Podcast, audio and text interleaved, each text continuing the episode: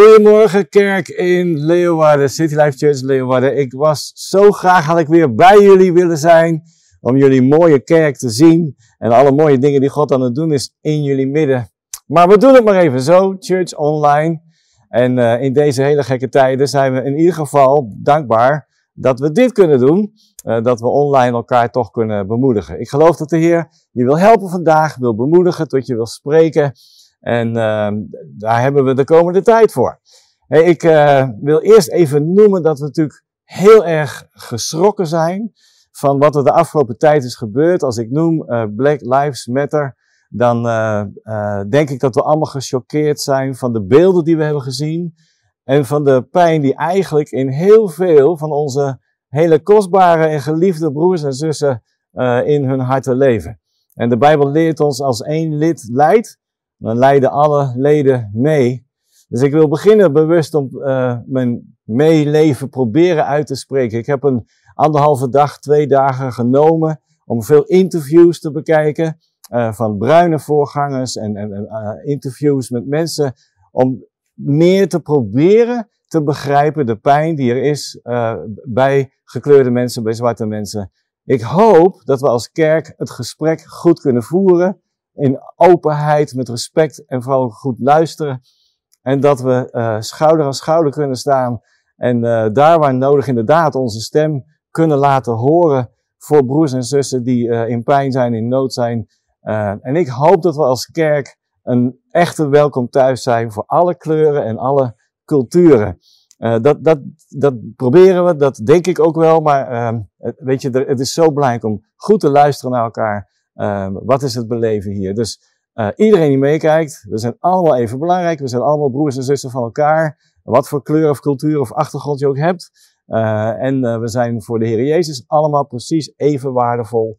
Dus ik hoop dat we zo in die spirit met elkaar zullen optrekken. Ik heb vandaag dit genoemd. Eigenlijk is het een preek die ik op eerst een Engelse titel had gegeven. En de Engelse titel is These Two, deze twee, These Two will get you through. Maar op verzoek, ook in het Nederlands, hebben we er wat moois van geprobeerd te maken. Twee aspecten voor positieve effecten. Twee elementen wil ik met je bespreken, waarvan ik denk dat in deze gekke tijd, met, met uh, corona en alles wat dat met zich meebrengt, uh, die ons er doorheen zullen helpen. Ik moet wel eens denken aan jullie in Leeuwarden, bijvoorbeeld, waar eigenlijk heel weinig corona is. En toch al die uh, strenge regels ook daar. En uh, uh, we bidden voor dat, dat de kerken snel weer letterlijk en figuurlijk meer ruimte krijgen. En dat, dat we weer gaan, kunnen gaan samenkomen. Ik zie daar heel erg naar uit. Ik verlang daarnaar. Um, en nogmaals, tegelijkertijd in ieder geval dankbaar dat we dit kunnen doen met de techniek die we hebben. Nicola en Angelique, we zijn trots op jullie. We zijn blij met het voorgangers-echtpaar en het team in Leeuwarden. Ik weet zeker dat ze van je houden, dat ze voor hun kerk bidden. Jullie zijn op hun hart. En voor een voorgangers-echtpaar in dit geval, in het leidersteam, is dit geen makkelijke tijd. Je probeert van alles, wat werkt wel, wat werkt niet. Um, je maakt je misschien zorgen over bepaalde mensen. Er zijn mensen met uitdagingen op gebied van gezondheid of misschien financieel, met hun werk, hun baan. Uh, en je probeert zo goed mogelijk uh, te zorgen voor iedereen. En dat is natuurlijk allemaal niet zo simpel als het allemaal digitaal gaat. Maar uh, dus, dus bid voor je leiders, ondersteun ze, blijf betrokken, zoek elkaar op, blijf meebouwen in, in die mooie kerk van jullie. Want de Heer is daar een prachtig werk aan het doen. Het is een beetje een reset, zo heb ik dat ervaren. Deze tijd van corona, waar een heleboel dingen die zo normaal waren, ineens uh, allemaal een beetje afvielen.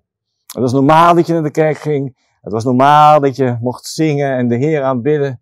Het was normaal dat je naar een restaurantje of een terrasje gaat. Het was normaal dat je je vakantie boekt in verre landen misschien. Of zoals wat ik graag doe, Zuid-Europa. En al die normale dingen en zo nog veel meer is ineens allemaal niet meer zo normaal.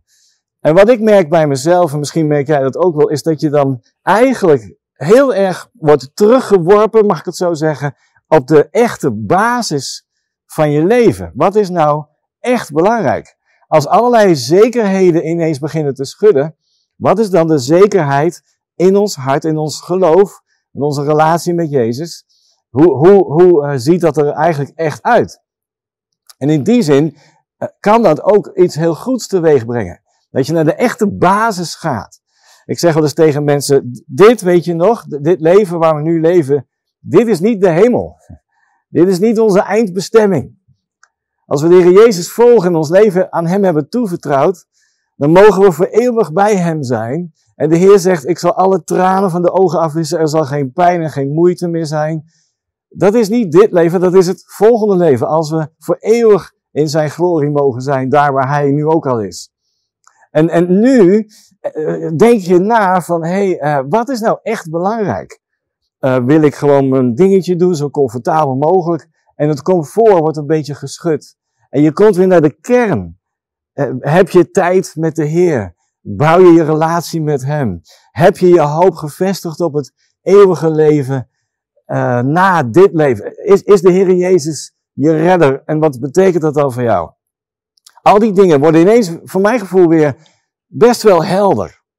En, en mensen zijn ook aan het zoeken naar uh, wie is God eigenlijk en hoe kan ik hem vinden en, enzovoort. Dus als je meekijkt, uh, heel goed, die reis is zo ontzettend belangrijk. En de Heer zegt, als je klopt aan de deur, dan zal ik open doen. Als je zoekt, dan zal je mij vinden. Dus daar zijn we voor als kerk. Ik zeg het vaak, ik zeg het graag. Onze methodes zijn heel erg veranderd. Ik, spreek hier nu echt voor een gewoon helemaal lege zaal. En um, de methodes veranderen, maar de missie is altijd hetzelfde van de kerk. Al 2000 jaar. En die zal altijd hetzelfde blijven. Om mensen te helpen om God te vinden. Wie is Jezus? Hoe, hoe kan ik hem ontdekken? Hoe kan ik hem vinden? Om mensen te helpen om te gaan ontdekken de nieuwe identiteit. De nieuwe vrijheid die ze hebben in hun spirit.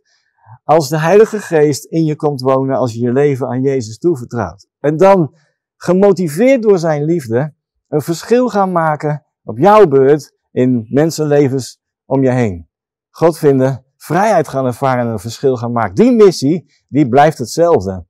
De Heer Jezus zei het, maak alle volken tot mijn discipelen, mijn leerlingen, en leer hun alles wat ik jou heb geleerd, enzovoort. Je, kent waarschijnlijk, als je christen bent, uh, de tekst, vlak voordat de Heer Jezus terugging naar de hemel. Deze twee, deze twee aspecten voor positieve effecten, deze twee dingen, zullen ons helpen om door deze tijd van crisis en moeilijke situaties heen te komen. We kennen misschien Psalm 23 wel. De Heer is mijn herder, mij ontbreekt niets. En dan staat er, ik zal niet vrezen, zelfs al ga ik door een dal van diepe duisternis. Ik geloof dat we door dat dal heen gaan. We blijven niet in dat dal. Uh, maar misschien, sommigen van jullie die kijken, voelen misschien wel als in een dal. Misschien met je, met je lichamelijke gezondheid of, of uh, situaties en, um, en, en, en toch zegt de Heer, u, David zegt dat uw stok, Heer, en uw staf, die vertroosten mij. En ik, ik geloof dat er dingen zijn die zo belangrijk zijn, altijd belangrijk, twee elementen om ons door dat dal heen te brengen, uh, samen met de Heer Jezus. Twee aspecten. Nummer één is dankbaarheid. Dankbaarheid gaat je door moeilijke tijden heen helpen. Het klinkt heel gek, want in moeilijke tijden is het soms heel moeilijk om dankbaar te zijn. Want misschien denk je wel, ja, die meneer achter die camera, die heeft mooi praten. Hij heeft geen idee waar ik doorheen ga. En nou vertelt hij me even simpel dat ik dankbaar moet zijn. En ik begrijp dat. Het is een hele uitdaging af en toe. Op het moment dat je dankbaarheid uit, verwoord, groeit jouw liefde voor dat waar je dankbaar voor bent. Op het moment dat ik uitspreek dat ik dankbaar ben voor wie God is in mijn leven dat Hij mijn hemelse Vader is. Vader in de hemel, ik ben u dankbaar dat u voor mij zorgt. Dan groeit mijn liefde voor Hem. Als ik tegen Mathilde, mijn vrouw, zeg, ik ben dankbaar voor wat je doet, dankbaar voor wie je bent. Als ik dat verwoord, dan groeit mijn liefde voor haar. Als je zegt, ik ben dankbaar voor de kerk dankbaar voor de mensen die uh, online hard werken om dit mogelijk te maken, dankbaar voor mijn voorgangers en dankbaar voor wat God aan het doen is in ons midden, dan groeit je liefde voor de kerk. En je liefde voor je mensen om je heen. Dankbaarheid tonen is een heel belangrijk ding. Het uit, het toont, het, het bouwt je liefde. Nou, ook in moeilijke tijden. We kennen misschien de tekst wel. Ik ga daarmee beginnen. Filippenzen 4. Um, Filippenzen 4 vers 5. In de herziene statenvertaling staat het zo. Uw welwillendheid, ofwel vriendelijkheid, zoals in andere bijbels, zijn alle mensen bekend. De Heer is nabij. Wees in geen ding bezorgd, maar laten uw verlangens in alles, door bidden en smeken, met dankzegging, bekend worden bij God. En dan gebeurt er iets moois als we dat doen, als je verder met me meeleest. En de vrede van God, die alle begrip te boven gaat, die zal uw harten en uw gedachten bewaken, beschermen in Christus Jezus. Dan gebeurt er iets bijzonders, dat boven de omstandigheden uit komt er een vrede van God in jou en in mijn hart. En dat, dan denk je, hé, hey, heel bijzonder, ik bid, ik smeek, ik zeg, Heer, ik heb u nodig, enzovoort. Laat het allemaal, al je verlangens, laat het God weten. Door bidden, smeken en dankzegging. En dan merk je dat je de vrede van de Heer begint te krijgen, ondanks omstandigheden. En ik weet niet hoe het met jou is gegaan de laatste maanden. Vanaf ergens half maart dat we in de corona terechtkwamen. Maar ik ben niet altijd even vrolijk geweest en altijd even.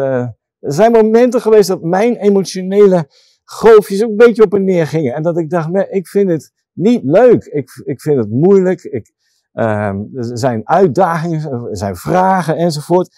En dan is het zo belangrijk. Heer, ik geef het allemaal aan u. U zit nog steeds op de troon. Het heeft u niet verrast. Mij wel, maar u niet. En, um, en ik ben u toch dankbaar door alles heen. En dan komt er toch een stukje vrede die bovennatuurlijk is. Zo belangrijk is het. De Heer Jezus, vlak voor dat, de kruisiging, vlak voordat hij werd gearresteerd, had hij het pasja. De, de, de maaltijd. De maaltijd van de Heer, het avondmaal met brood en wijn. En hij nam het brood. En dan lees je snel over, hij, hij sprak de dankzegging uit over het brood. Maar lieve mensen, dat was het beeld van zijn dood. Het breken van het brood was het beeld van wat er vlak daarna met hemzelf zou gaan gebeuren. Ik heb erover nagedacht en ik dacht dat moet toch wel heel moeilijk zijn geweest om daar een dankzegging over uit te spreken.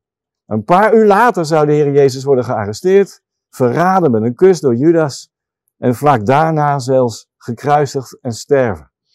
Als onschuldige, onze onschuldige heiland. En hij sprak de dankzegging uit. Dat is iets om bij stil te staan en van te leren.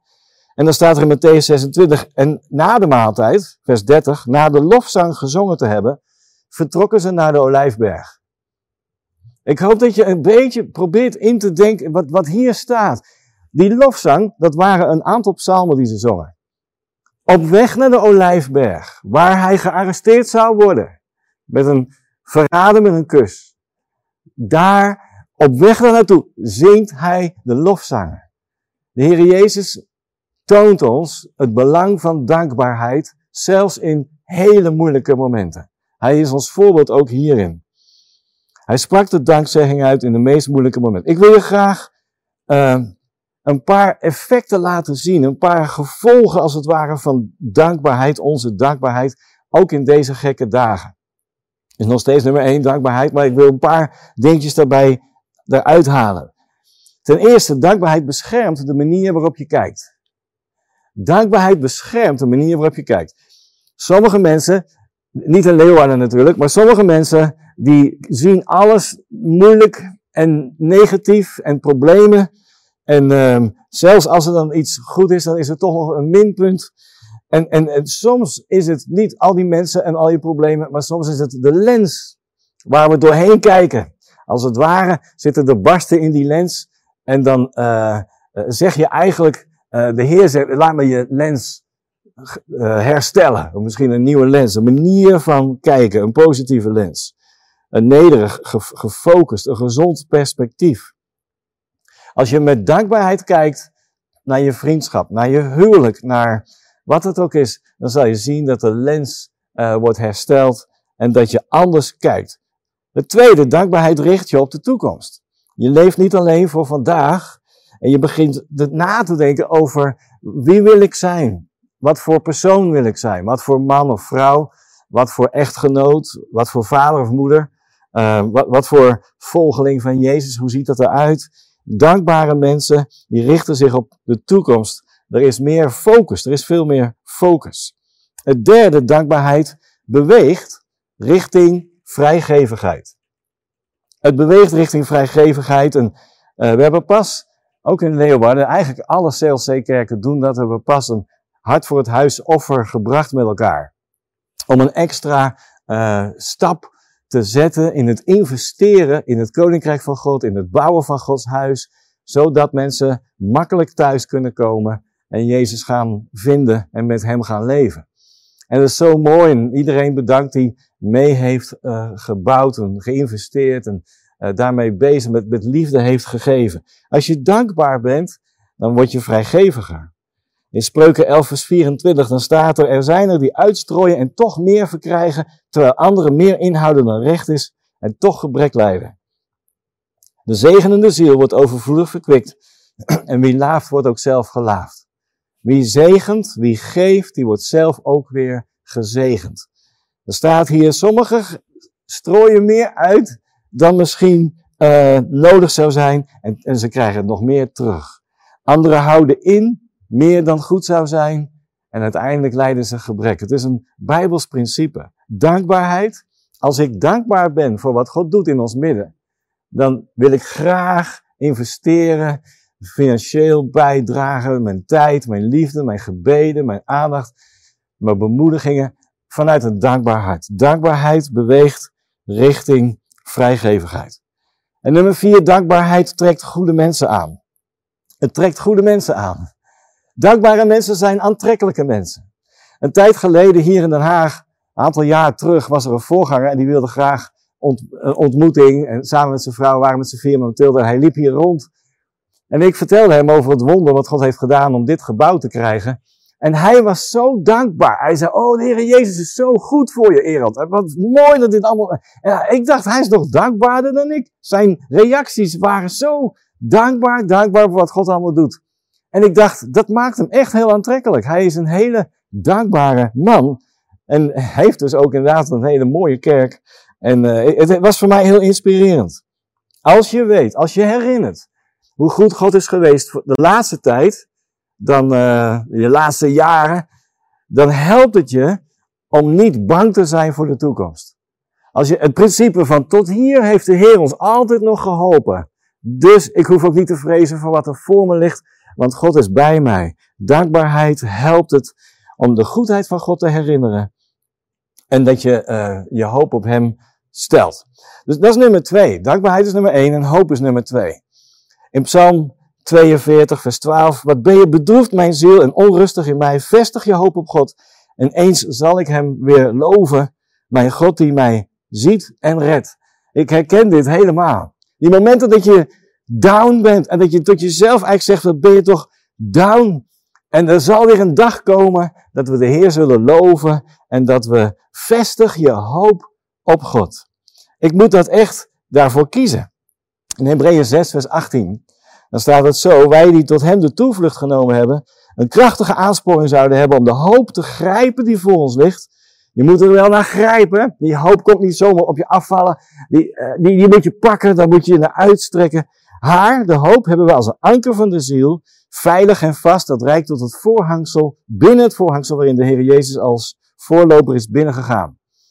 De, de, de, de hoop in ons is als een anker, staat hier, voor onze ziel. Dus hoe je bootje misschien ook heen en weer gaat, en storm en wind en stromingen, als er een sterk anker is, dan blijf je op je plek. Je blijft daar waar je wil zijn de hoop in je hart, de hoop die God ons geeft, op het eeuwig leven, op zijn liefde, op zijn aanwezigheid in jouw leven nu, die hoop is als een anker voor je ziel. Zo belangrijk. Efeze 1 vers 17, dan staat het zo, in de NBV, mogen de God van onze Heer Jezus Christus, de Vader van alle glorie u, een geest van inzicht schenken in wat geopenbaard is, opdat u hem zult kennen, mogen uw hart verlicht worden, zodat u zult zien waarop u hopen mag. Waar mag ik op hopen? Nu hij u geroepen heeft en hoe rijk de glorie is die de heiligen zullen ontvangen. Daarom begon ik in het begin net met dit praatje over, ik merk dat mijn hoop, als al die dingen zo onzeker zijn om je heen, mijn echte hoop is weer op dat wat God voor mij heeft klaarliggen in dit leven, maar zeker ook in het eeuwig leven met Hem. De hoop, en je mag hier de Heer vragen, Heer verlicht mijn hart, open mijn ogen, zodat ik mag zien waarop ik hopen mag. Ik wil een beetje af gaan ronden met een gebed.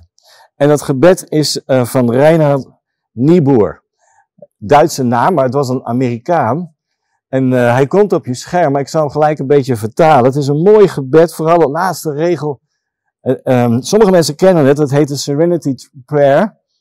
En het gaat zo, Heer, Lord, give me the serenity. Heer, geef me de wijsheid, de rust om te accepteren de dingen die ik niet kan veranderen. En de moed om te veranderen de dingen die ik wel kan veranderen. En de wijsheid om het verschil te zien. Om te leven één dag tegelijk, genieten van het moment zoals het er nu is. Te accepteren de moeilijke dingen op het pad, het levenspad wat naar mij toe komt. Het pad naar vrede uiteindelijk. En om te nemen, net als Jezus deed, deze zondige wereld. Ik zei al, dit is niet de hemel. Dit is een gevallen wereld. We maken dingen mee, moeilijke dingen. Het is niet anders. In die wereld leven we. Niet zoals ik het zou willen hebben, maar dat ik erop vertrouwen mag dat u alle dingen goed gaat maken als ik mij onderwerp aan uw wil. En dan komt die mooie laatste regel, zodat ik redelijk, reasonably happy, redelijk gelukkig mag zijn in dit leven. En uh, supremely, e-, extreem gelukkig mag zijn met u, Heer Jezus, in het volgende leven. Forever, voor altijd. Wat een mooi gebed is dat. Als je denkt, oh, dat ging een beetje snel, je kan altijd nog een keertje nakijken, nalezen, dat is voordeel van online. En ik, ik, hoop dat je dat zo, dat je alles een beetje in perspectief ziet. En dat je zegt, Heer, ik wil verschil maken. Help me om te zien wat ik kan doen. En ik begrijp ook dat dit niet de hemel is. Dit is niet mijn eindbestemming. Maar ik mag voor altijd bij u zijn als ik u volg. En mijn tijd zit er een beetje op. En ik wil je nog één ding vragen. En dat is de belangrijkste vraag in je leven. Je hebt het misschien allemaal gehoord net. En je, de vraag is, heb je een persoonlijke, levende relatie met Jezus? Niet uh, de vraag, kom je in een kerk? Welke religie? Ik, we hebben het over een relatie met Jezus. Heb je ooit bewust ja gezegd tegen Hem? Heb je ooit bewust gezegd, Heer Jezus, kom in mijn leven, ik vertrouw mijzelf aan U toe? Want er zijn heel veel, dat is het voordeel weer van online, heel veel mensen die God aan het zoeken zijn en meer over willen weten, kijken mee. En ik wil zo meteen een gebed bidden als een voorbeeld, maar je kan gewoon thuis waar je bent, op de stoel of de bank of in je woonkamer of waar je bent, kan je gewoon het gebed hardop mee bidden. En dat is een gebed om de Heer Jezus te vragen te komen in je leven, om jezelf toe te vertrouwen aan Hem. Het is een gebed om vergeving te vragen en te vragen of Hij je wil vullen met, met Zijn liefde en jouw leven wil gaan leiden vanaf vandaag. Niet heel moeilijk, maar wel ontzettend, ontzettend belangrijk. En misschien ken je dit wel, maar als je dat allemaal zo hoort, dan denk je, ik ben een beetje te ver afgedwaald. De, de dankbaarheid naar God toe was een beetje weg. De hoop op God vestigen was ook een beetje weg. Ik wil vandaag een nieuwe start maken, een nieuwe toewijding. Om te zeggen, Heer, Heer Jezus, vanaf vandaag vestig ik mijn hoop weer op U. Ik ben dankbaar door alles heen. U bent voor mij aan het kruis gegaan en u bent weer opgestaan. En door alles heen ben ik u dankbaar. En Heer, ik kom weer terug bij uw nieuwe start vandaag. Dan is dit gebed ook voor jou. Dus ik ga het gebed bidden. Ik doe dat rustig, zodat je het na kan zeggen hardop daar waar je bent. Heer Jezus, dank u wel voor deze dag. Dank u wel voor uw goedheid. Heer Jezus, wilt u mij vergeven? voor alle verkeerde dingen. Ik vertrouw mijn leven aan u toe. Kom in mijn leven en vul mij met uw liefde.